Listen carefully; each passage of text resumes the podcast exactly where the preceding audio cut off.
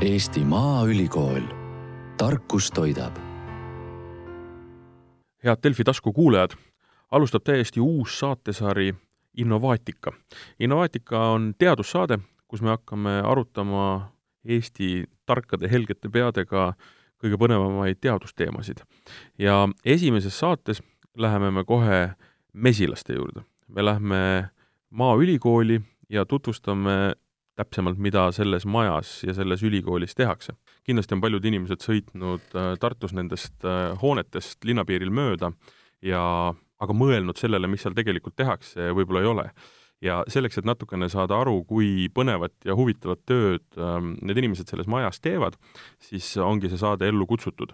saate esimeses osas me võtame ette kohe ühe minu jaoks vähemalt ühe kõige põnevama teema ja selleks on mesilased.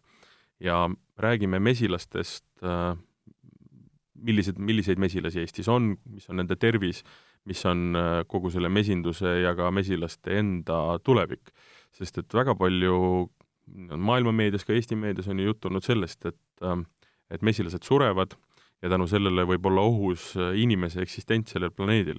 kuna kui ei ole mesilasi, ei ole tolmlemist, ei ole toitu, siis noh, päris nii see ka ei ole. Aga selleks, et saada teada, kuidas asjad tegelikult on, on mul täna stuudios ähm, üks äh, Eesti Maaülikooli professoritest, täpsemalt äh, taimetervise õppetooli juhet-, juhataja Marika Mänd, äh, kellega me hakkamegi siis pisut rääkima Eesti mesilastest ja noh, mesilastest üldse ja, ja ja nii toiduvormis kui ka siis meie abistajate tööliste vormis. mina olen saatejuht Martin Hanson ja järgmise tunni jooksul, ma usun, saate te kindlasti ka ise paremini teada, äh, millised mesilased Eestis elavad ja mis nad siin täpselt teevad. Marika, tervist! tervist! ma alustaks kohe hästi lihtsa ja kõige trafaretsema küsimusega, et ähm, mis mesilased Eestis üldse elavad äh,? alati ju arvatakse, et lendab mesilane, on mesilane. tegelikult on see kümneid ja kümneid kordi keerulisem. jaa, see on tõsi Eestis on tegelikult päris palju neid putukaid, keda me saame nimetada äh, mesilasteks, mesilastelaadseteks ja mm, üks äh, meile tuntud on muidugi meemesilane või kodumesilane, seda äh, tavaliselt inimesed peavad oma mm, kodudes selleks, et saada mett. aga looduses on meil veel palju liike.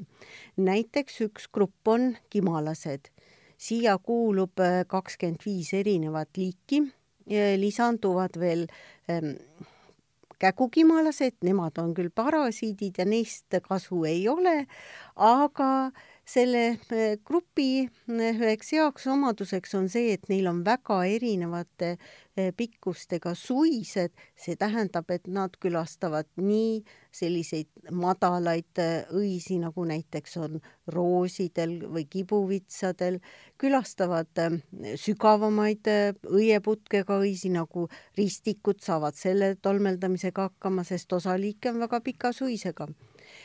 ja veel lisaks siis kimalastele on olemas kuskil üle kahesaja liigi erakmesilasi. kui meemesilane ja kimalane on perelised, neil on olemas äh, ema, töölised ja isased, siis erakmesilastel on ainult emad ja isad. Nad on üksikult elavad äh, ja nende hulk äh, looduses võib olla päris suur, aga tavaliselt me neid üldse ei märka sellepärast, et me ajame nad segamini tavaliste mesilastega või on siin pigem küsimus selles, et nad ongi pigem peidus? esiteks äh, on nad väga kiired lendajad ja tavaliselt ei märkagi neid. teiseks, osa liike on väga meemesilase moodi, osad on natukene herilaste moodi ja nad on väiksemad ja vahel ei osata arvatagi, et ah, see on ka veel mesilane nii et äh, siin neid liike on hästi palju, variatsioon on väga suur ja neid on, nende eluiga on lühike, kuskil kolm nädalat on siis sellel mesilasel ela, eluiga ja need vahelduvad kevadest kuni sügiseni.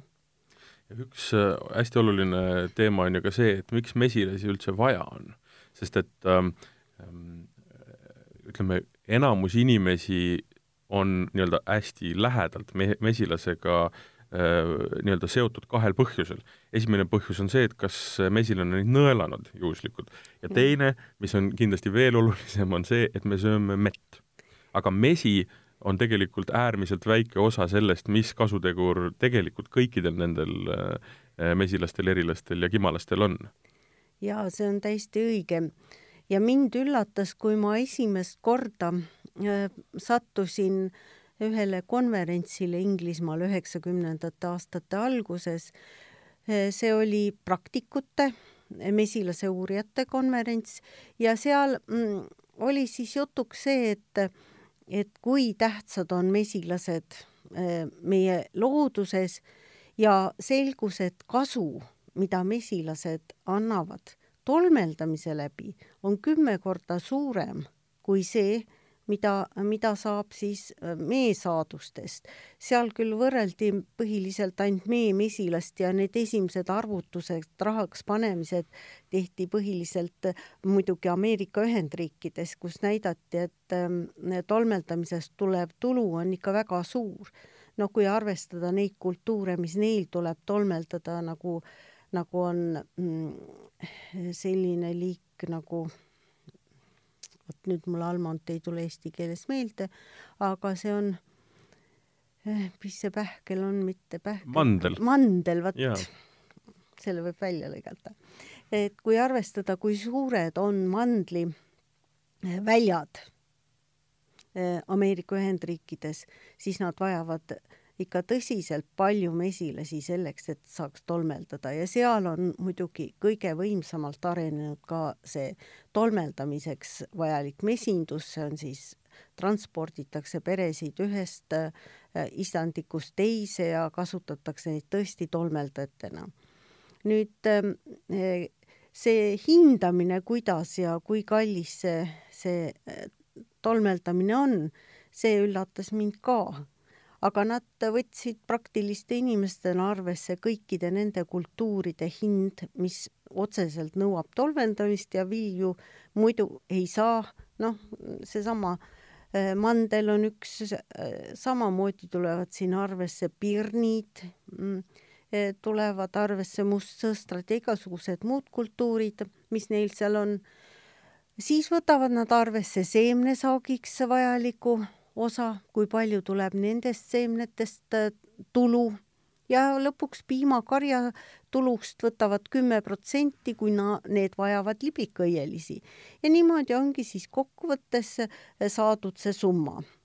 Äh, nüüd arvutatud on seda küllalt palju, praegu pakutakse välja kuni üheksakümmend üks miljonit dollarit. Euroopas arvatakse, et tolmeldamine annab tulu viis miljonit eurot. Eestis on praegu see alles arvutamisel. miljardit ikka? miljardit jah, vabandust, jah. viie miljoni pärast tõenäoliselt ei, ei, ei ole mõtet tolm, tolmlema hakata. et äh, üheksakümmend üks miljardit ja, ja viis äh, miljardit äh, eurot ja üheksakümmend üks miljardit dollarit, nii et, et need summad on ikkagi väga suured. aga kui ma küsin seda, et ähm, loome üldse selle pildi, kui palju on üldse neid taimi, mida on vaja tolmelda, mille jaoks on mesilasi vaja üldse? no näiteks ähm, põllumajanduskultuuridest on üle kahesaja liigi, mis on Euroopa Liidus vajalikud. aga kui nüüd vaadata õistaimi, siis õistaimedest üldiselt on kuskil kaheksakümmend viis protsenti, üheksakümmend protsenti, mida arvatakse, et ilma ei saa hakkama ja ja seal on ka, asjaolud on erinevad, osa taimi ei saagi viljutud ilma putukata või siis mõne teise tolmeldajata. Neid on ka olemas, aga aga ilma mesilaseta ei saa hakkama, neid on üks terve ports meil Eestiski, noh näiteks on äh, ristik, mis vajab pikasuisilisi kimalasi, lutsern vajab äh, looduslikke mesilasi äh,, kimalasi ja, ja eraakmesilasi, siis põldtuba on ainult pikasuiseliste kimalaste tolmeldada. Äh,. mis veel kimalasi vajab, on mustsõstar äh,. Neid on päris palju aga neid, mida, mis äh, annab saagilisa, selliseid äh, sort või liike on ka. no näiteks äh, meil tuntud teatud raps. raps saab suurepäraselt ise hakkama, tal pole mingit putukat vaja. aga tema saagikus kasvab kindlasti? ja, sellega on veel selline lõbus trikk, et, et kui ta on hästi tolmeldatud, siis ta ei aja külgharusid ja peaharul, sellel varrel, kus õied on mm -hmm. ja mhm. vilja äh,, tekivad seemned, need on rohkem õlirikkamad. Need annavad parema õli talumehele või tootjale. peale selle, kui äh, korralikult on tolmeldatud, vähe sellest, et äh, see on nagu õlirikkam, valmib saak lühema aja jooksul, õitsemine ei lähe pikaks, saak valmib ühe nädalaga ja ja tootja saab praktiliselt kogu seemne kätte. kui aga on halb tolmeldamine, siis üks ots valmib varakult ja variseb, teine saadakse kätte ja kolmas osa on toores. nii et seal on sellised nipid. ja no kui me võtame näiteks vaarika või maasika, kui need on halvasti tolmeldatud, need on osaviljadega, nad ei ole nagu üks terve vili, vaid iga, iga väike emakas, mis selles õies on, peab saama tolmeldatud ja kui see ei ole korralikult tolmeldatud, siis on vaarikas ja maasikas ühe küljega, ei ole eh, kvaliteetne ja selle puhul ei saa niisugust hinda küsida kui korralikult tolmeldatud eh, marja puhul. kas see tähendab siis seda, kui ma küsin äh, egoistlikust ja iseenda huvist, et kui ma tahaks, et mu kodus aias ähm, äh, mustsõstar, vaarikas, ka maasikas tõenäoliselt mm, -hmm kõik äh, õunad ja, ja pirnid kasvaksid võimalikult võimsalt ja hästi, siis tasuks kas või oma koju tuua äh, tolmlemise jaoks äh, siis äh, pesakonna mingiks ajaks. jaa, kasutatakse näiteks oma aeda on väga mugav tuua just kimalasi, sest saab osta valmis taru, tõmbad luugi eest ära ja nemad töötavad ja sul ei ole midagi seal vaja teha, sest see pere on üheaastane. välja tulevad äh, äh, emad need peaksid talvituma, aga niisuguse taru puhul ma soovitan siiski peale tolmeldamise lõppu ja enne, kui suguisendid tulevad, ta ähm, põllult ära viia. ja see... mitte loodusesse lubada. see tähendab seda, et ja me rääkisime natuke sellest eetriväliselt, et on olemas ettevõtted, kus on võimalik osta see nii-öelda kimalaspere taruga see saadetakse postiga nädalaga kohale ja siis põhimõtteliselt lasedki nad selleks kolmeks nädalaks, mis on nende eluiga, oma aeda siis lahti. jaa, et äh, kui nad on vabas looduses, elavad nad pikemalt, kasvuhoones lühemalt ja näiteks kogu äh, toodang, mis tomati kasvatamisel ja paprikal Eestis ja äh, saadakse kasvuhoonetest, see on puhtalt kimalaste tolmeldamise töö. tomat ise on aga tuultolmleja. aga vot kasvuhoones ju tuult ei ole. vanasti pandi eh, spetsiaalsed traadid taimede vahele, iga hommik koputati siis need traadid läbi, et ta tolmeldaks. aga põhjus, miks see nii on, et miks peab tolmeldama, on tuul tolmleval taimel peab olema tuul väristama õit ja kimalane saab sellega hakkama, meemisilane mitte. kimalane võtab eh, tolmukast kinni, õietolm ei tule muidu välja, kui ta ei raputa ta sumistab seal ümber, õietolm vabaneb ja saabki tomat tolmeldatud. ja ma sain enne nii palju teada, et kimalane on tugevam ja suurem kui mesilane. saab selle, saab selle tööga hakkama, et see, et see õis nii-öelda värisema hakkaks.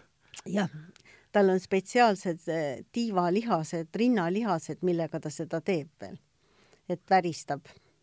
aga kas seda on ka võimalik öelda kohe, mis äh, selles arvu, või ütleme, selle saagi ähm, siis ma ei kujutagi ette, siis arvukuse ja ütleme, puhasmassi vahe on, kui on niimoodi äh, tolmeldud eraldi koju toodud väikse kimalas perega ja on lihtsalt nii-öelda looduslik äh, siis äh, äh, nii-öelda areng, et on, on eel-, või eeldame, et noh, selles mõttes, et mesilased ikka tolmlevad ka koduaias. jaa, tegelikult äh, kui nüüd tavalist sellist Eestimaa maastikku vaadata, siis me oleme päris õnnelikus seisus. ma olen ise oma, oma äh, suve kodus vaadanud, kui palju on siis äh, kimalasi. ja ma olen leidnud kuskil äh, kuusteist liiki kahekümne viiest, mis on päris hea, kuna, kuna see suvekodu on mul suurte võimsate Mulgimaa põldude vahel. Et liigirikkus on väga hea ja tegelikult neid juurde tuua tasub siis, kui ollakse tõesti väga intensiivse põllumajandusmaastiku sees. nüüd õunapuud iseenesest, neid tolmeldavad kõik putukad.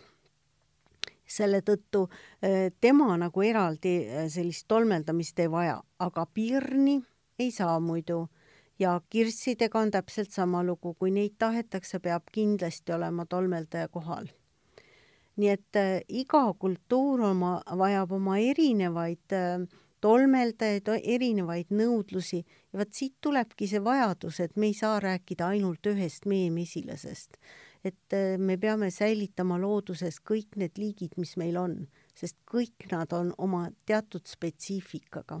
aga kui me räägime konkreetselt meemesilasest, siis tema kannab tegelikult nii-öelda kahte ülesannet ta ühe korraga ko-, korjab nii-öelda nektarit ja teisega, teise nii-öelda poolega ka tegelikult tolmleb. jaa, temal on nagu, ta on hästi suur pere ja tema oma pere toitmiseks vajab tunduvalt rohkem toitu kui seda pisikesed pered või siis eramesilased. nimelt kui ikka kodus lapsed nutavad, kui vastsed ütlevad, kõht on tühi siis on see täiesti selge signaal, et äh, tuleb äh, koguda juurde varusid ja ne-, nemad, kes talvituvad ka, nendel peavad olema ka talvevarud, mida me küll võtame ise ära ja paneme neile suhkru asemele, aga sellegipoolest vajavad nad varusid. ja vot äh, nende varude nimel nad töötavad. kui vaadata mesilasi ja kimalasi, siis äh, kas ma eksin, kui ma ütlen, et mesilaste nii-öelda see areaal või piirkond, millelt nad korjavad, on kuskil diameetriga kaks kuni neli kilomeetrit, rohkem? Eh, rohkem, kõik rohkem. sõltub sellest, mis on. me, kui me panime ühes katses oma mm, tarud, mesilastarud panime eh, keset metsa nelja kilomeetri sügavusele, seal ei olnud ühtegi rapsipõldu läheduses, neli kilomeetrit oli puhas mets siis selgus, et nad läksid ikka kaugemale, kui leidsid rapsi üles. ja seal on üks väike selline eh, põhjus ka, nimelt eh, rapsi õietolmus on kolm aminohapet, mida vastsed vajavad oma arenguks. Ja mesilased väga armastavad seda, seda eh, õietolmu koguda ja nad lähevad suure perena laiali ka seda korjama nüüd, kui vaadata nüüd kimalasi ja mesilasi omavahel, siis kimalane korjab ka varusid, aga mitte nii palju. ja tema ei tee mett, vaid tal on puhas nektar kannudes, tal on nektarikannud ja õietolmukannud, kus tal eh, need on sees, aga temal ei ole sellist suurt varu. ja vot see põhjustab ka teatud erinevuse nende käitumises. miks kasvuhoonetes ja eriti talvel kasutatakse just äh, kimalasi, mitte niivõrd mesilasi, meemesilasi, on põhjus selles, et kimalane, tal puuduvad suured varud, ta peab ka kole halva ilmaga välja minema, isegi kui on pime, pilvine, tibutab, läheb tema välja. meemesilane on natuke selline priviligeeritud, tema alla viieteist kraadi välja ei kipu, seal on ju külm ja toas on ju soojad varud isegi istud kodus siis, kui on paha ilm ja ei lähe välja. no vot, tema käitub samamoodi, aga nüüd nendel kahel on see erinevus ka, et kuidas nad korjavad. meie mesilane on tegelikult pärit ju troopikast. ja, ja kuidas troopikas, kes on korra lennanud niimoodi madalalt üle troopiliste metsade, näeb, et õitsvate puude vahel on on kilomeeter, poolteist, selle tõttu, et seal on palju liike, puud on suured. Ja nüüd mesilase pere on suur. kuidas sa toitu saad, ta saadab luurajad välja, kus on toit, kui keegi üles leiab, tantsuga annab ta märku, et näed, seal on küllalt suured varud. Ja siis see pere läheb kõik sinna, toob mee koju. Järgmised lähevad otsima järgmisi uusi eh, toiduallikaid. kimalane on aga meie oma see on päris. ei ole meil siin looduses mingeid suuri tohutuid äh, energiaallikaid võtta nektarina või õietolmuna ja vot sellepärast tema, tema võtab kõike, käib ja korjab ja, ja varusid ka ei ole, töötab kogu aeg. kas mesilaste ütleme, kui me räägime mee korjamisest ja. või mee saamisest, mee tootmisest, siis üks asi, mis on hästi oluline, ongi see, et te tõite selle näite, et ähm, et panite mesilastaru nelja kilomeetri sügavusele metsa mm, -hmm. et ma saan aru, noh, jah, see on test, et vaadata, kui kaugele mesilane oma, oma toidu järgi ja. lendab, aga mesilas, mee tootmise mõttes on see selles mõttes nonsense, et kulu on ju niivõrd suur seoses mm -hmm. selle tuluga. eksin? jah, ei ole, ei eksi, selles mõttes ei eksi, et et tõepoolest kaugelt tuues on energiakulu suurem ja saak ei ole nii suur, meesaak. aga nad saavad ideaalselt ka kaheteist kilomeetri kauguselt toodud, nimelt ähm, nendel Inglismaa suurtel mooridel, nende kanarpiku väljadel on seda uuritud, et äh, saavad hakkama küll. ja Kimalane on, leiab kodu üles ka kuskil kümne-kaheteist kilomeetri juures, aga Kimalese lennuraadius sõltub nüüd ähm, pere suurusest liigist, et kõige su-, liigi- või arvukamad mm, pered, need tulevad, käivad kuskil kahe kilomeetri, mitte kaugemale. ega meemesiline ka, ütleme neli, kolm-neli kilomeetrit on tavaliselt ja kui toiduallikas on lähem, ei ole ju mingit mõtet kaugemale minna. kõik sõltub, kas on ümbruses süüa või ei ole. et mesilaste põhiülesanne on noh, ja kimalaste samamoodi. Ja ülesanne on äh, nii-öelda tolmelda kõiki neid taimi, mis on nii-öelda looduslikud taimed, mida me võib-olla otseselt toiduks ei kasuta, siis on need taimed, mis meile on hästi nii-öelda ihule lähedased, ehk need, mida me sööme, ja siis kolmas hästi oluline ongi nii-öelda see mee tootmine. Et... vaata, nii, nii ei saa ütelda, et nad tolmeldamine on nende ülesanne. see ei ole üldse nende ülesanne, see neid üldse ei huvita. see on taime huvi, et ta tolmeldatud saab. ja taim mängib kaasa annab, nektarijuhised on äh, sellised äh, suunad, kui, kus koha pealt nektari kätte saab.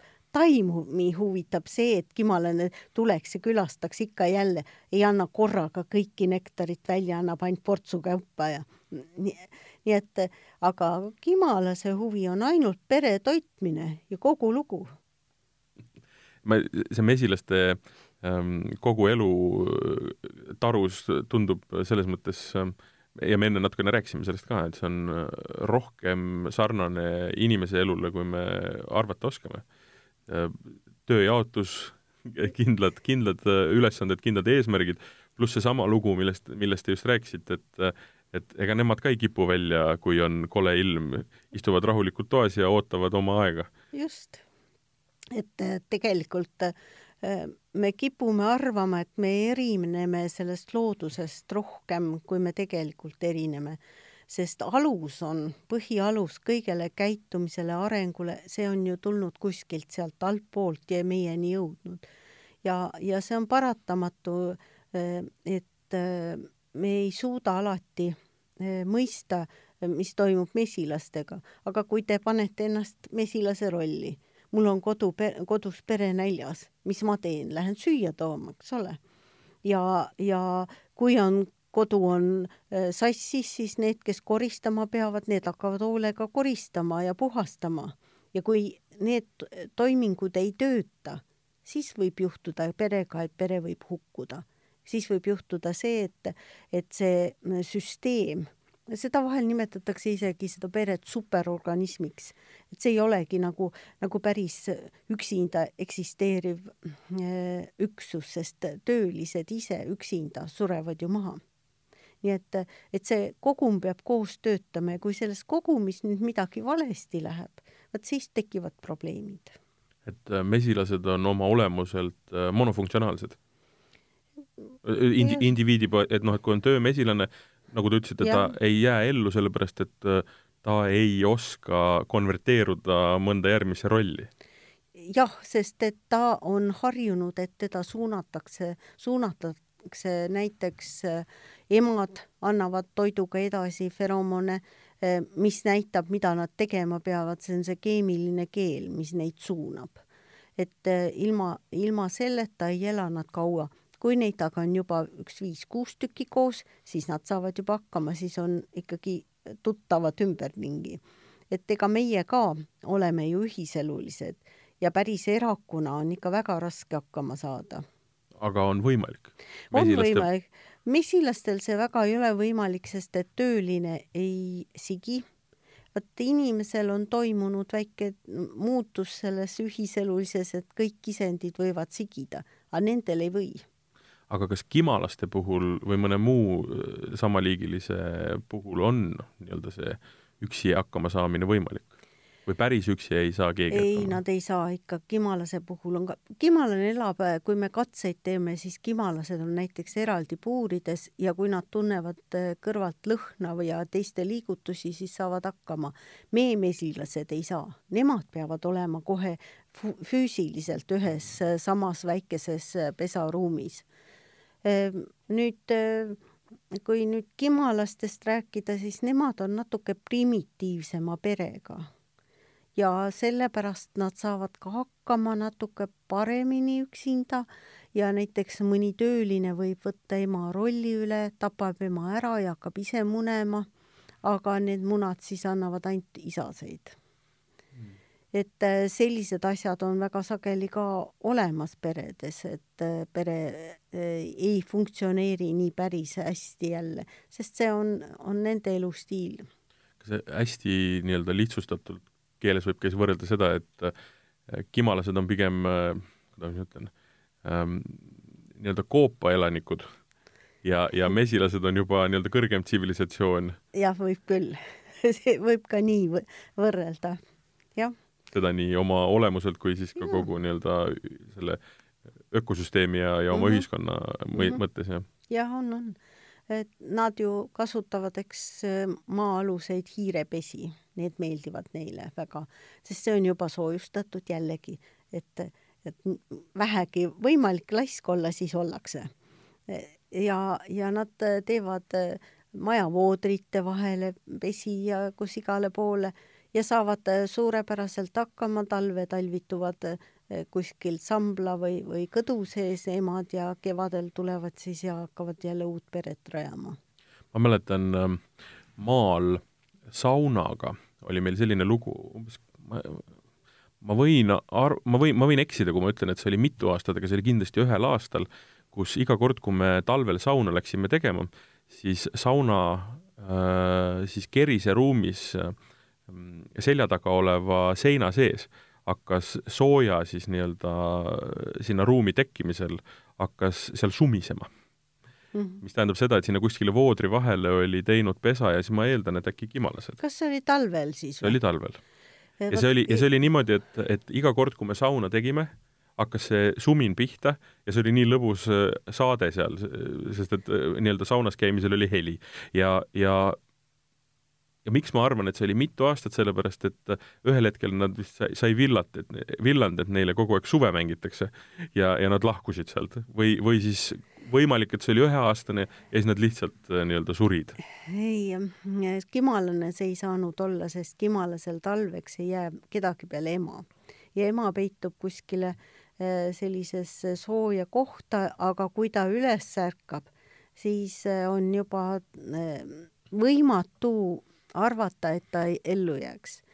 see võis olla väga vabalt üks mesilaspere, kes äh, oli voodri vahel soojas ja sai hakkama seal. ja Aga siis me läksime, kütsime toa so veel soojemaks ja nemad vaatasid, et väga mõnus, kevad, hakkame elama, hakkame tööle. ja siis vist mingi aja jooksul nad said aru, et, et see pettus, see pettus kau-, ei, ei tohi kaua kesta ja lahkusid sealt jah, võib-olla ka hukkusid, sest et kui mm., kui on liiga soe talvel, siis äh, saab neil varu otsa, toiduvaru otsa ja siis, kui ei ole kuskilt midagi korjata, siis hukkuvadki. üks küsimus äh, on veel see, et mis on nende nii mesilaste, herilaste kui ka kimalaste eluead? seal on ka väga suured erinevused. jah, on küll, et kimalase pere ise on üks aasta, ema äh, kes on siis sügisel äh, sünd-, ta, sünnivad nad, tulevad kookonitest välja kuskil augusti alguses, sõltuvalt aastast, vahel ka juuli lõpus. ja, ja siis nad äh, on küpsussöömal, toituvad, koguvad rasvu ja nemad lähevad siis talvituma äh, peale pulmalendlust. ja kevadel alustavad nad pere loomisega ja, ja vot see pere on nagu siis ühe sesooni pikkune ja tööliste eluiga tavaliselt arvatakse kuskil kolm nädalat. aga ega meemesilase töölise iga ka pikem ei ole, aga neid on rohkem, pidevalt tuleb juurde ja ema võib elada mitu aastat neil ja pere kestab, pere kestab, aga Kimalase pere ei kesta, see hukkub ja on täiesti uus ema. nii et nii palju on ikkagi vahet. Aga kui suured need pered tegelikult siis on, kui me räägime kimalaste puhul ja kui me räägime masi-, mesilaste puhul? no mesilastes on ikka väga suured tuhandetes, aga nüüd eh, kimalased, kõige suuremad on kuskil nelisada ja, ja, ja, ja kuskil kakssada on kõige suuremad, on need, on karukimalased, need ongi, keda me saame osta ja eh, oma tolmeldamiseks kasutada. Aga nüüd eh, sellised haruldasemad liigid, neil on kuskil kakskümmend, kolmkümmend töölist ja need ei lenda ka väga kaugele, nende lennuraadius on ainult kuskil viissada meetrit, mitte kaugemale oma pesakohast. sealsamas niidu peal, kus on praktiliselt. me rääkisime ka suurustest, siis äh, mis on äh, nii-öelda mesilase ja siis äh, kimalase suuruse erinevus, kas neid mõõdetakse, ma ei tea? kaalutakse ta või mm -hmm.? noh, ta on mõned natuke raskem on, natuke suurem on ja rahvas tunneb kimalasi paremini maamesilastena, suured, tumedad, mustad ehm, ja, ja värvilised, triibulised mesilased sumisevad, nad on suhteliselt rahulikud, ei ole nii agressiivsed, kui on meemesilane. Aga erakmesilaste suurused on tavaliselt meemesilaste suurus ja sealt tunduvalt väiksemad, mõned on isegi päris väikesed, seal poole eh, sentimeetrised ainult, nii et. kuidas äh, liikidevaheliste suhetega on? kas seal on ka nii-öelda äh, ristiminekut või on nad selles mõttes äärmiselt eraldi ikkagi, olgugi et nad on sama liik, nad on ikkagi täitsa eraldi? Vot neil on olemas korjeterritooriumid igal isendil ja see korjeterritoorium on see, kus ta siis käib. aga sellist äh, ristiminekut eriti ei ole, kuigi on, on teatud puhkudel on räägitud, et konkurents on olemas ja, ja ma olen isegi seda näinud, et kui, kui on äh, Lutseni peal hästi palju käib äh, mesilasi vargil, siis kimalased sinna ei lähe eriti. et nad valivad, aga aga need konkurendid on siis tugevamad ikkagi see tugevam meemis ja pere. aga teiselt poolt jälle kimalane on ka küllalt suur ja tugev ja ega ta, ma ei ole näinud, et nad kakleksid, nad lendavad lihtsalt ära. ja muidugi neile on selline mm, iseloomulik selline optimaalne toitumiskäitumine ja selle puhul on siis nii, et et kui nad kontrollivad, kas õied on juba eelnevalt kellegi poolt tühjendatud, kui nüüd esimesed äh, kaks-kolm õit on tühjad, siis nad ei hakka selle koha peal üldse vaeva nägema, lendavad kaugemale. saavad aru, et siin on ja. juba nii-öelda reha, reha tehtud ja kõik ja. on ära koristatud. ei tasu ära, see on nii, nagu marjanaised käituvad. Lähevad vaatavad, ah, siin on üksikud marjad, siin ei tasu, lähme natuke eemale, vaatame kaugemale, sealt saame parema koha aga kui ressurssi ikka ei ole, on vähe neid marju, siis korjatakse ka nende väheste lappide pealt, nii et ei midagi erilist, täpselt samasugune käitumine. See oli nüüd jutt sellest, et äh, kuidas nad saavad nii-öelda väljal hakkama, aga minu küsimus oli pigem selles, et äh, kas toimub ka nii-öelda äh, sõpruseid ja sealt edasi ka võib-olla nii-öelda lähemaid suhteid? Ja, ja, ja kas sealt toimuvad ka siis äh, võitlused, kaklused ja, ja nii-öelda sõjad kas või? Sõdu mesilaste vahel ma ei tea. sõjad on tõepoolest olemas sipelgate vahel ja seda ma olen ise pealt näinud, kui sipelgatel oli sõda, kus jaotati territooriumit, sest sipelgatel on väga kindlad, eriti, eriti metsakuklastel, see oli veel laanekuklase pere, kellel on siis metsas jaotatud oma Äh, lehetäipuud, oma korje ja kaitstav territoorium ja nüüd, kui mõni pere tahab üle võtta sinu alasid, siis toimub võitlus. ja tõeline sõda, tapetud viiakse ära pessa ja süüakse korralikult ära, raisku ei lasta midagi ja laibad viiakse siis sinna lahinguväljale piirile, nii et tekib selline vennasaud, et laibarida. Et see, see oli, mina nägin ükskord, olen näinud seda ja see oli täiesti hämmastav. see sõda kestis kolm päeva ja, ja pärast oli siis äh, laipade surnute hunnik oli siis viieteist meetri pikkune ja ja kümne sentimeetri laiune, kahe sentimeetri paksune, tohutult surnuid. aga äh, äh, võeti ära see territoorium käest nii et jah. aga mesilaste puhul? ei, mesilastel on teistmoodi, neil äh, tõenäoliselt pesa, nüüd kui loomulikult on, tarud on ju kõrvuti, ei, ei tule mingit äh, tüli. ja kimalaste puhul on huvitav, kui tarud on kõrvuti siis Kimalase tööline, kui nad, meil on katsetarud niimoodi lähedastikku olnud, kui nad oma tarru parasjagu sisse ei saa, siis nad lähevad naabritarru toitu viima ja kui neil toit kaasas on, siis nad on alati hinnatud kaaslased. Väga põnev, et, et kimalased käivad omavahel läbi, mesilased ei käi? E, ma olen kuulnud, et ka mesilastel on seda, et minnakse võõrasse tarru, aga ainult siis, kui sul on toit kaasas ega no ikka muidugi, pilet, pilet on vaja osta. ega niisama ju öömajal ei saa, ega hotelli ka lihtsalt sisse ju ei jaluta, et ja. ma kaotasin omal koduvõtmed ära, et andke nüüd mulle üks voodi täna ööseks, et äkki homme leian oma võtmed ülesse. aga mm, tuleme nüüd äh, selle küsimuse juurde, mis on siis äh, ehk mesilaste puhul, nagu me ka enne rääkisime, kõige olulisem, ehk siis nii-öelda puhtalt põllumajanduse nii-öelda töötaja, põllumajandussektori töötaja. Ähm, mis, ähm, me rääkisime siin kasutegurist, ähm, aga mis on need põhiasjad Eestis, põhi nii-öelda liigid Eestis, kes vajavad mesilase abi ja ilma milleta äh, kas ei saa üldse hakkama või siis ikkagi saagikus väga tõsiselt äh, on, on nii-öelda löögi all? no kõigepealt tuleb kohe meelde, on rüps ja, ja siis äh, rapsrüps nõuab otseselt tolmeldamist ja rüpsi puhul kasutatakse seda isegi, et tuuakse tarud korralikult põllule, on teada. raps vajab siis selleks, et äh, see saak valmiks ühtlaselt ja, ja see, saadakse see kõige kõrgem õlisisaldus kätte. siis äh, tatar vajab tolmeldamist kindlasti. Äh, ristikud vajavad kindlasti tolmeldamist. kasvuhoones on siis kõik need kultuurid, mis on on nagu tomat, kurk, paprika, äh, kasvahoones kasvatatud maasikad vajavad tolmeldajaid. Nüüd kasvu, need olid kasvuhoones, aga, aga meie aias on ju ka, kui õunapuudega on niimoodi, et neile piisab ka, kui on sirelased, need on ühed kahetiivalised, natuke meenutavad ka mesilasi.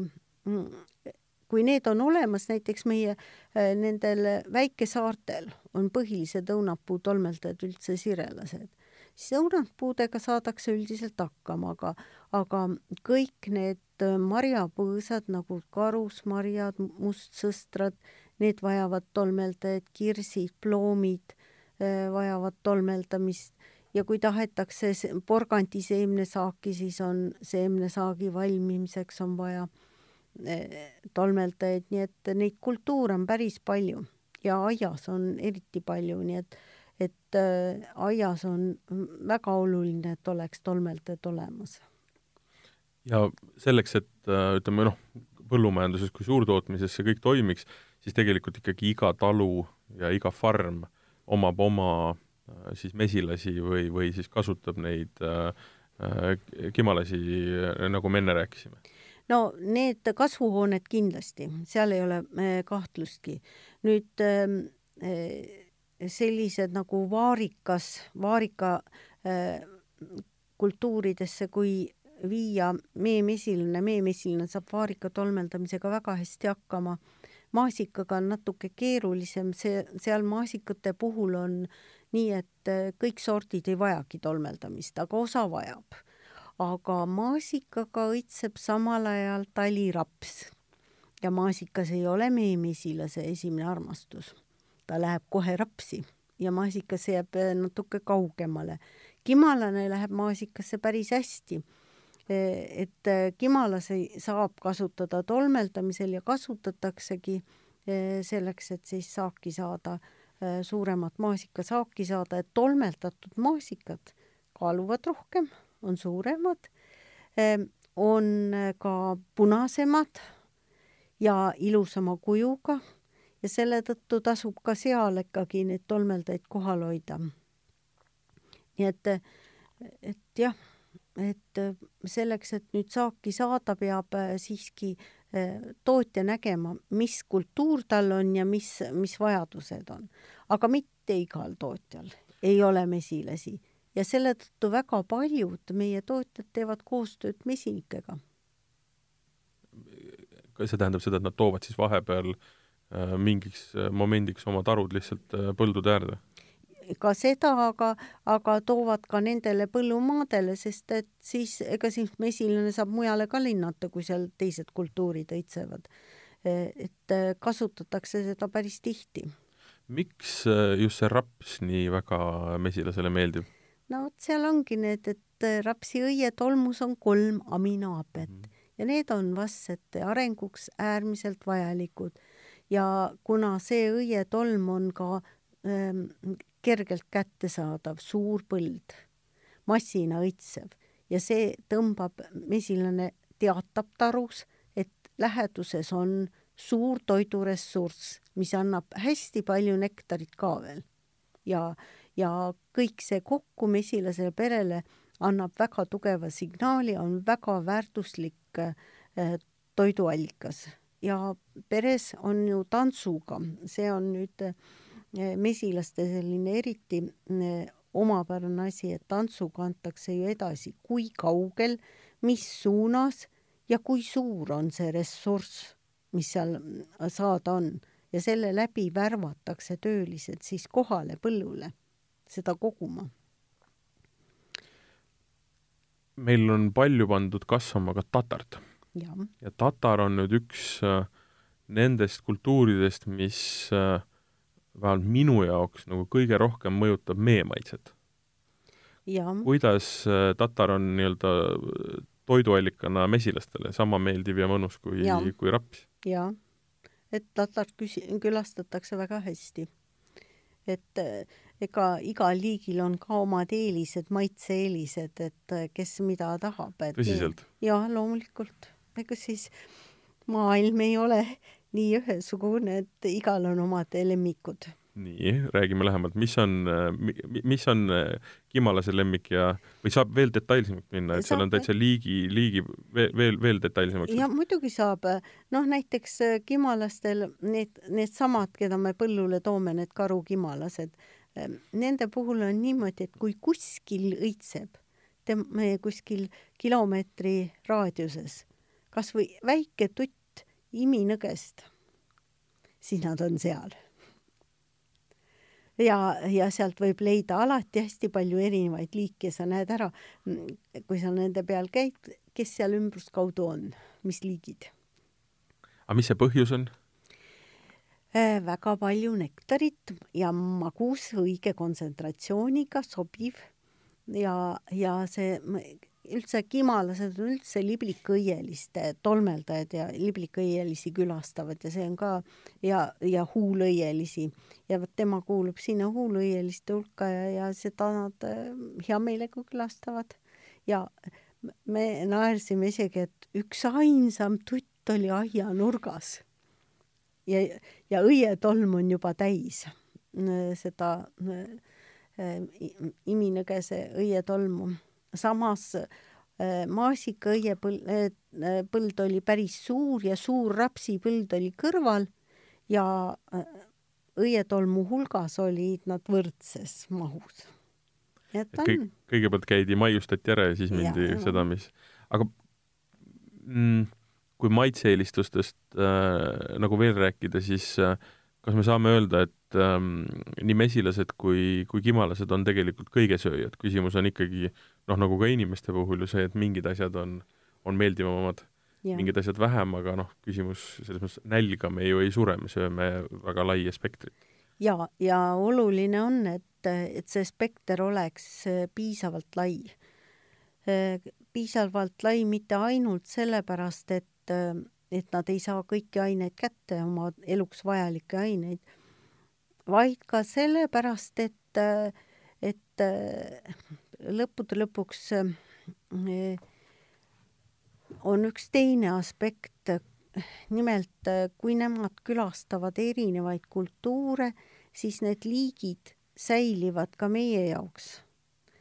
Nende jaoks see tähtis ei ole, aga, aga me vajame ka seda, mitte ainult kultuurtaimed ei saaks tolmeldatud, me vajame ka seda, et kõik need tolmeldamist vajavad looduslikud taimed saavad tolmeldatud ja, ja nüüd äh, mesilase tervise pärast mm, on väga head näited, on ju kimalase puhul, kui me kasvuhoones kasvatame kimalase peret, seesama taru, mille me ostame, see püsib kolm nädalat, ei olegi pikemaks ajaks ette nähtud, siis ta sureb. Äh, või, või õigemini hääbub, kuna tulevad välja suguisendid ja siis ema lõpetab munemise ja, ja äh, toitub veel natuke ja sureb siis väljas olles, kui nad saavad ise valida seda toitu, mis nad vajavad ja mis meil seal on, siis nende eluiga võib terve suvi kesta.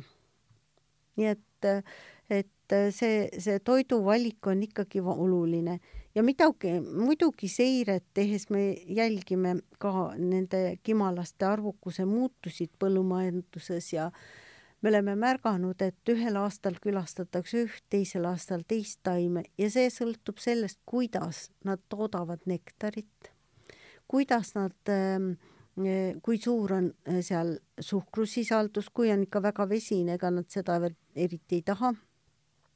mõni aasta pole nad üldse külastanud, näiteks mõni aasta põdrakanepit üldse ei külastata, teine aasta on ta täiesti täis ja see sõltub, missugused taimed antud hetkel mida pakuvad. mis see, nii et see valik on neil päris suur ja nad kasutavadki seda valikut, mis ümberkaudu on.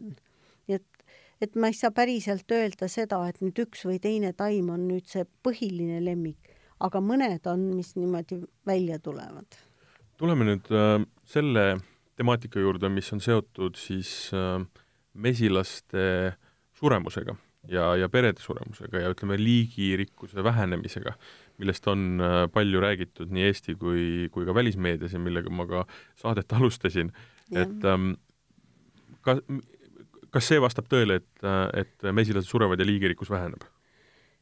Vastab tõele see asi, et meie mesilastel on väga suured probleemid ja siin mõned aastad tagasi, seal kahe tuhande kuuendast aastast, kus olid massilised äh, perede suremised, et, et tõesti väga suur hulk peresid läks välja. Ja läheb praegugi äh, päris palju peresid sureb, äh, aga põhjused on väga, väga seinast seina, miks üks või teine asi võib juhtuda nüüd, kust see kõik alguse sai? see sai alguse sellest, et üheksakümnendatel, kui me otsast alustame sellest lugu, üheksakümnendatel Suurbritannia ühines ühisturgu ja siis selgus, et see suur teraviljakasvatus, mis neil oli, ei tasunud ära, lõuna pool tuli odavamalt ja otsustati, et ah, lähme kuuekümnendate aastate kultuuride juurde, toome põldtoa jälle tagasi ja need sellised ristikud ja mis neil olid. ja mis siis selgus? saaki ei tule. kuuekümnendatel tuli ja nüüd järsku ei tule. ja kui nad siis uurima hakkasid, siis avastasid, et need tolmeldajad, need pikasuiselised kimalased olid kadunud. seda siis sellel põhjusel, et neil ei olnud lihtsalt neil ei midagi olnud, süüa? jah ja kuna nad veel võtsid ette ka kuuekümnendatel tulid suured põllumajandusmasinad, võeti need hekid vahelt maha põldudel, kus veel midagi õitses ja oli ja tehti suured tela, teraviljapõllud ja no selge see, et siis ei olnudki kedagi. ja päris paljud, noh, viieteistkümnest liigist, mis tavaline oli, oli järgi jäänud kuus ja üks oli ainult veel siis pikasuiseline. ja vot sealt hakkas uurimine pihta ja siis nendes intensiivse põllumajandusega aladel, nagu Kesk-Euroopas äh, oli äh, Belgiat võeti, vaadati, uuriti Saksamaad, Prantsusmaad ja, ja Kanadat ja Ameerika Ühendriike, siis tuli välja, et tõepoolest on arvukus, kellel olid andmed varasemaga võrreldes, oluliselt langenud. Ja muidugi mesilaste suur suremus, see kõik tõi välja selle, et nad nüüd on ikkagi tõsine probleem nende mesilastega, et, et nüüd tuleb hakata vaatama. meie mesilase puhul on ikkagi seotud see inimestega, kui palju mesinikke, kas tasub mesindusega tegeleda, kas ei tasu. paljud mesinikud jätsid selle mesindusega tegelemise tänu uuele kahjurile Varro Lestale mis siis põhjustas perede suuri väljasuremisi ja ei osatud nagu käituda enam ja leiti, et hea küll, et lõpetame. ja see viis nagu selle arvukuse alla, näiteks praegu on jälle noorte mesinike hulk tõusnud, oligi vahepeal probleem, et ainult vanad inimesed veel tegelevad, et kas mesindus surebki välja. ei ta sure midagi nüüd, on äh, uued, uued noored edukad inimesed sellega tegelemas ja küllap ta läheb jälle edasi aga kui me teame väga hästi, mis meie mesilasega toimub, peremees vaatab, mitu taru järgi on ja mitu ei ole, siis looduslike mesilastega me lihtsalt ei tea midagi, millal ja kus nad surevad.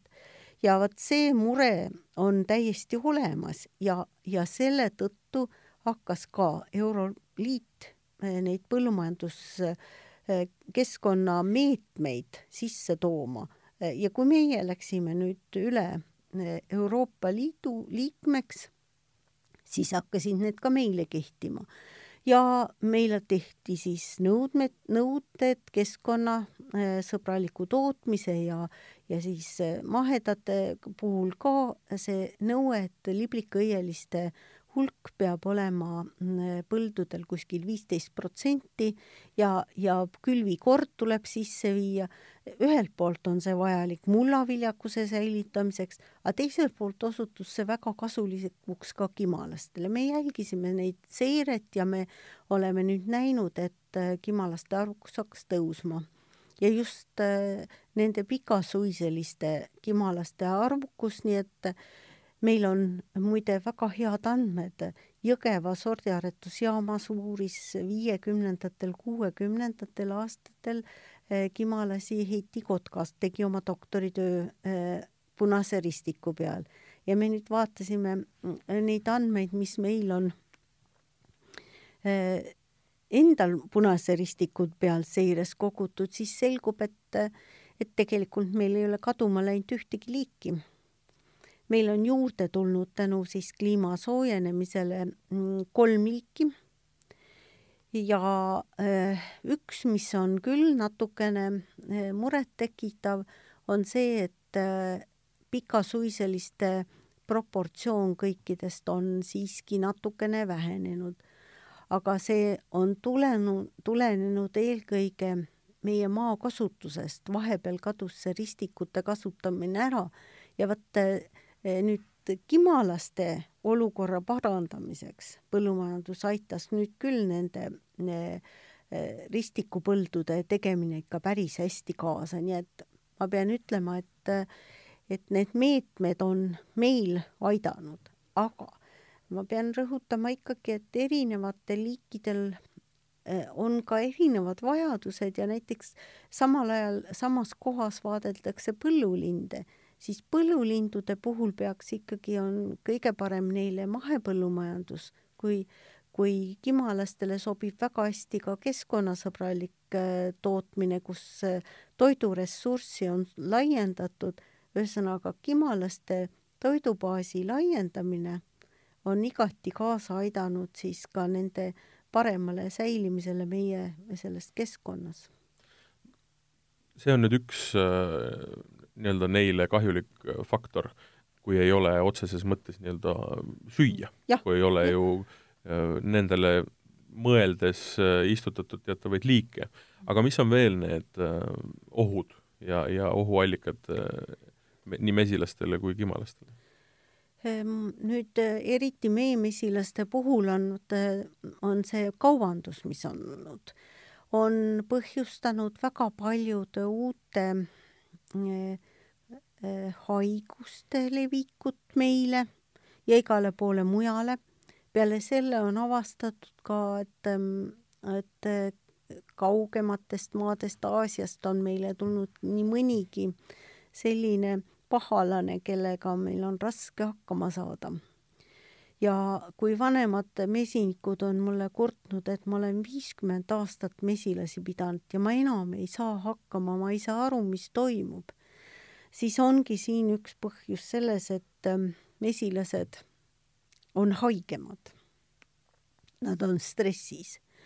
ja äh, kui on haigustekitajaid meilgi palju ümber, kui mõtelda inimest, siis inimene, kes on hästi toitunud saab hakkama haigustega, saab hakkama parasiitidega ja, ja tal ei ole nagu äh, nii suuri muresid. nüüd, kui on mesilane halvasti toitunud, kui tal ei ole korralikku korjemaad, kui ta ei saa piisavalt äh, mitmekesk-, mitmekülgset toitu, siis, äh, siis on paratamatu see, et ta ei pea vastu.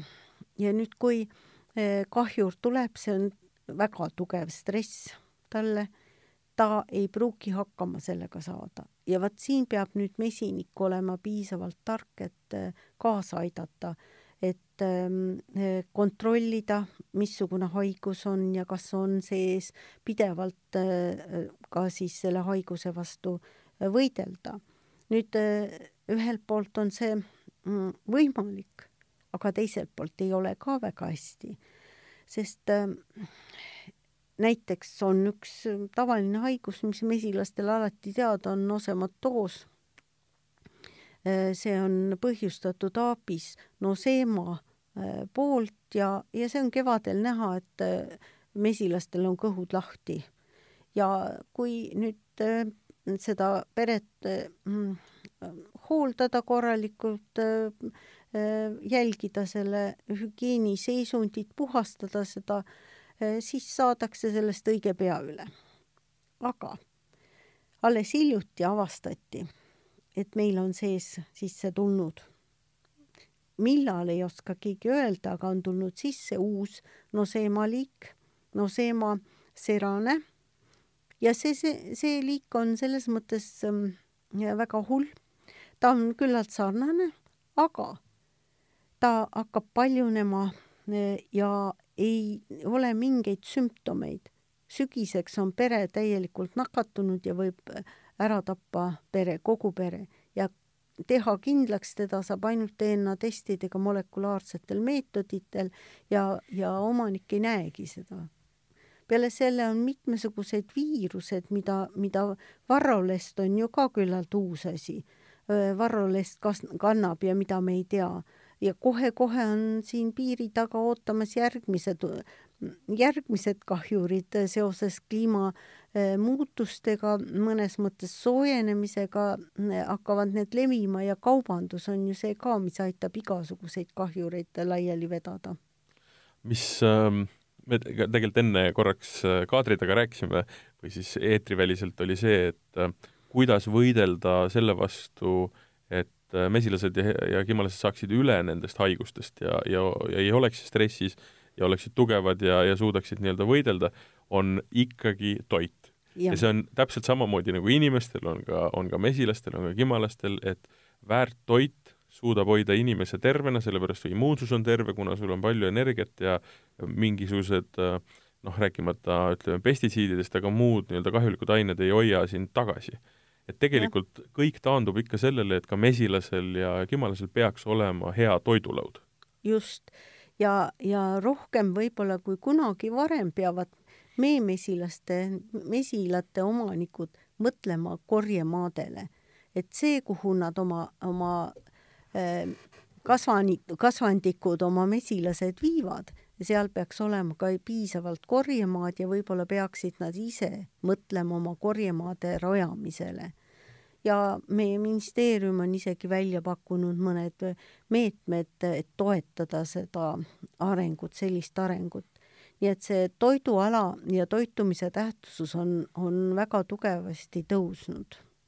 ma saate alguses ka käisin välja selle äh, temaatika, mis on ka äärmiselt palju viimasel ajal saanud ähm, nii-öelda eetriruumi ja siis ka paberi ehk, ehk siis leheruumi on see, et ähm, kui mesilased surevad, siis kaob ära, noh, nii mesilased kui ka siis kimalased, kaob ära võime viljeleda, mis tähendab seda, et äh, ja, ja seda siis nii-öelda kõige apokalüptilisemas äh, sellises äh, vaates, kaob ka inimene, sellepärast et ei ole, mida süüa, tänu sellele meie liigikus väga, meie enda nii-öelda hulk väga la-, langeb ja põhimõtteliselt läheme me keskaega, mitte keskaega, vaid kiviaega tagasi. et see hirmutus on nagu, nagu hästi suur, ma nüüd eksperdilt ongi hea küsida, et et kuidas seis tegelikult on, kui mesilased kaovad, kas kaob toit ja kas kaob inimene? siis peab hakkama jälle algusest peale, kes on tolmeldajad.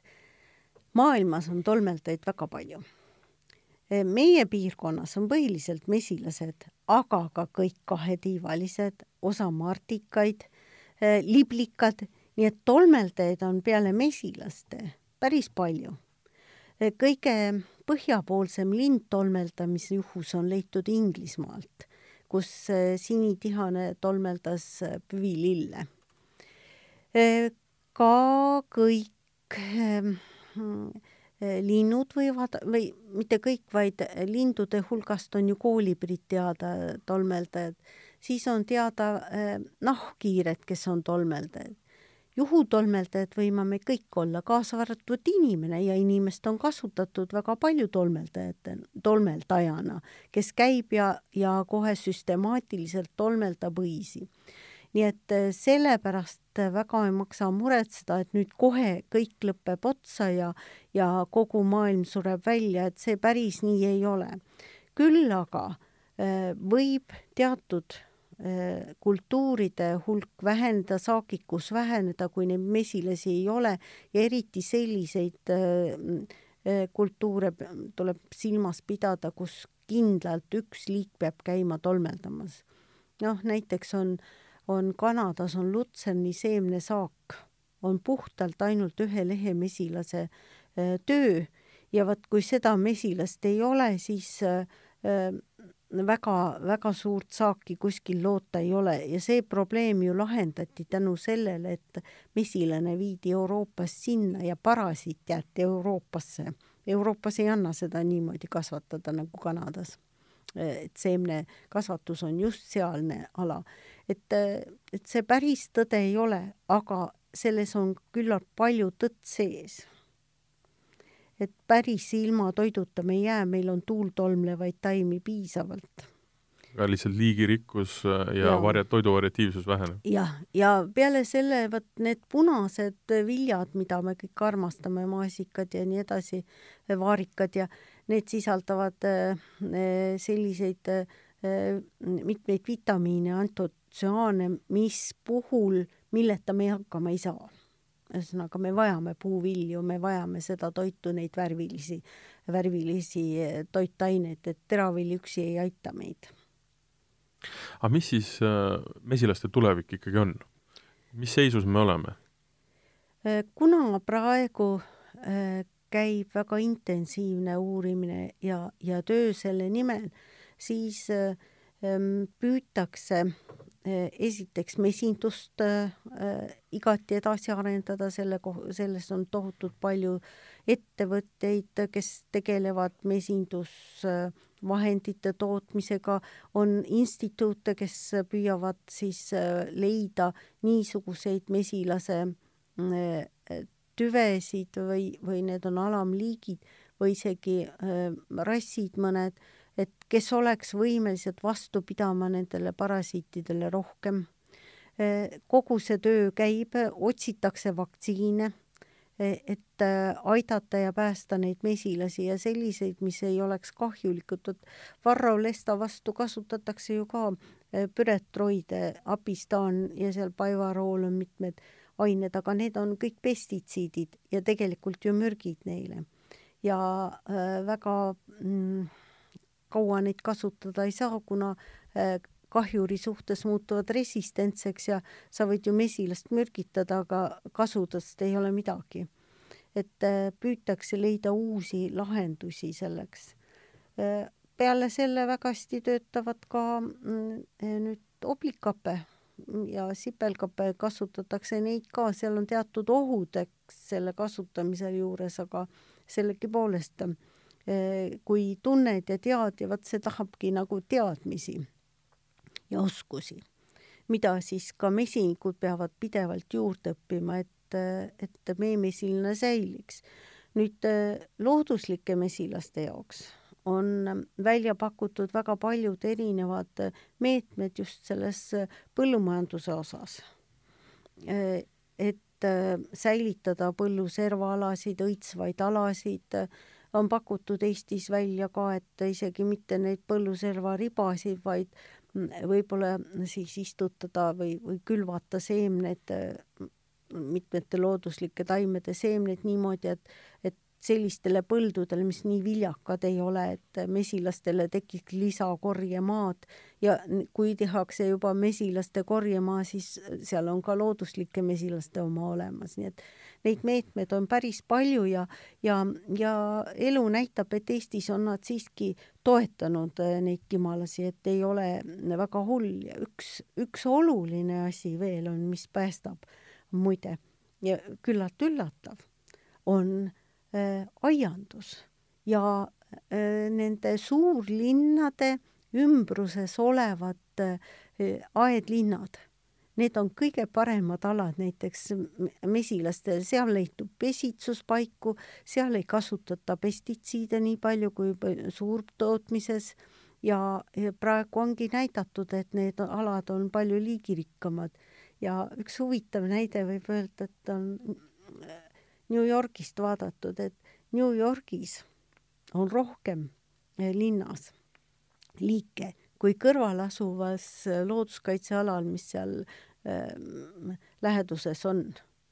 nii et äh, see on toiduressurss jälle, seal on pidevalt õitsvad lilled, seal, kus on palju lilli õitsemas, mhm. seal on toiduressursse äh, rohkem ja seal saavad need looduslikud kimalased ja ka meie mesilased palju paremini hakkama ja linnas äh, on ju ka tegelikult äh, mitte ainult äh, ei kasvatata lilli, vaid äh, uuesti on mm. tagasi tulnud ka ju nii-öelda äh, potiaiandus nii-öelda.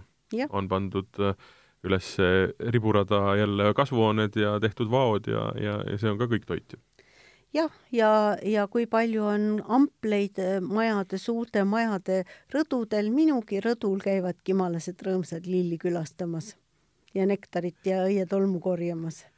Nii et tegelikkuselt, äh, tegelikkuses need jutud, et, ähm, et mesilased kohe kaovad või kimalased kohe kaovad, on tegelikult ikkagi äärmiselt ennatlik ja me jaa, aga kui me ei tegutse selle mm. nimel, kui me teadlikult ei mõtle sellele, et me peame ka teisi organisme siin maakeral kaitsma siis, siis võibki see juhtuda ja võib-olla selline hoiatamine on tegelikult äärmiselt vajalik, et me ei unustaks ära, et me ei ole jumalad sellel maal, vaid et siin on õigus teistel ka elada.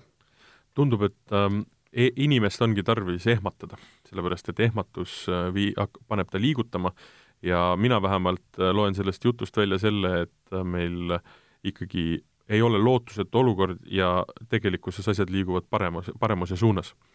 Te kuulasite Maaülikooli podcasti esimest osa, kus me rääkisime mesilastest ja mina ei tea, kuidas teiega, aga minu jaoks oli ääretult huvitav saade, ma sain teada kümme korda rohkem mesilastest, kui ma seda varem teadsin. Ähm, ma tänan äh, professor Mändi, kes äh, viis meid sellele rännakule ja minu arust äärmiselt põnevalt rääkis seda, kuidas äh, mesilased elavad, kui palju neid on ja, ja kui sarnased tegelikult nad on, on inimesele täiesti ootamatult. järgmises Innovaatika saates räägime toiduhügieenist ja meil on külas järjekordne Maaülikooli professor, kellega sellel väga laial teemal ka arutlema hakkame. mina olin saatejuht Martin Hanson ja teile soovin kena sügist! Eesti Maaülikool, tarkus toidab